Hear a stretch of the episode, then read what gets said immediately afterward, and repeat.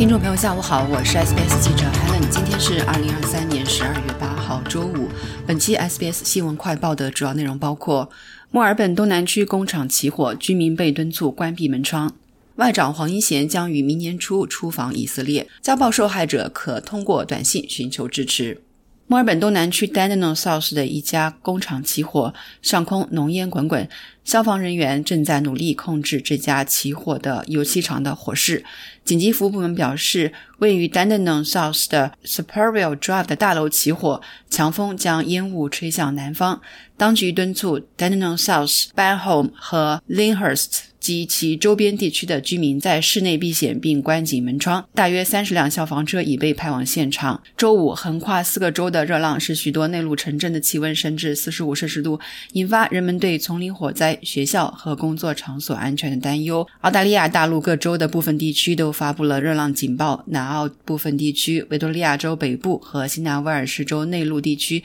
也发布了极端乃至灾难性危险警报。澳大利亚人被敦促为多年来最严重。的火灾天气做好准备。继助理外交部长下周访问以色列后，外交部长黄英贤确认将于明年与以色列官员会面。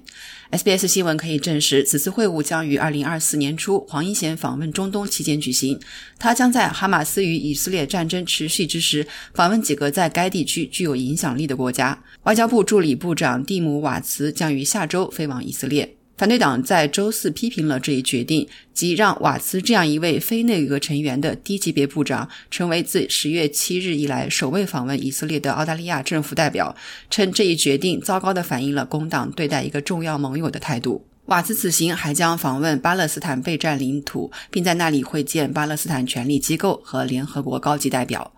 外长发言人说，目前正在安排外长在新年伊始访问中东。澳大利亚一直在与在该地区有影响力的国家合作，帮助保护和支持平民，帮助防止冲突蔓延，并加强实现我们所有人都希望的公正和持久和平的必要性。瓦茨的行程在周四被确认。此前有消息称，由反对党外交事务发言人西蒙·伯明翰率领的跨议会代表团将于下周访问以色列。该代表团预计将进行为期数天的访问，其中还将包括工党后座议员乔什·伯恩斯以及其他自由党和工党议员。瓦茨在周四表示：“我将重申澳大利亚对哈马斯恐怖袭击的明确谴责，以及对受害者及其家属的支持。我将会会见相关官员，并邀请到访的澳大利亚议员参加重要会议。”反对党发言人随后坚称，工党的行动姗姗来迟，是在伯明翰的出访得到确认之后才采取的行动，并称派遣一名低级部长，而不是黄英贤或总理阿尔巴尼斯本人的决定，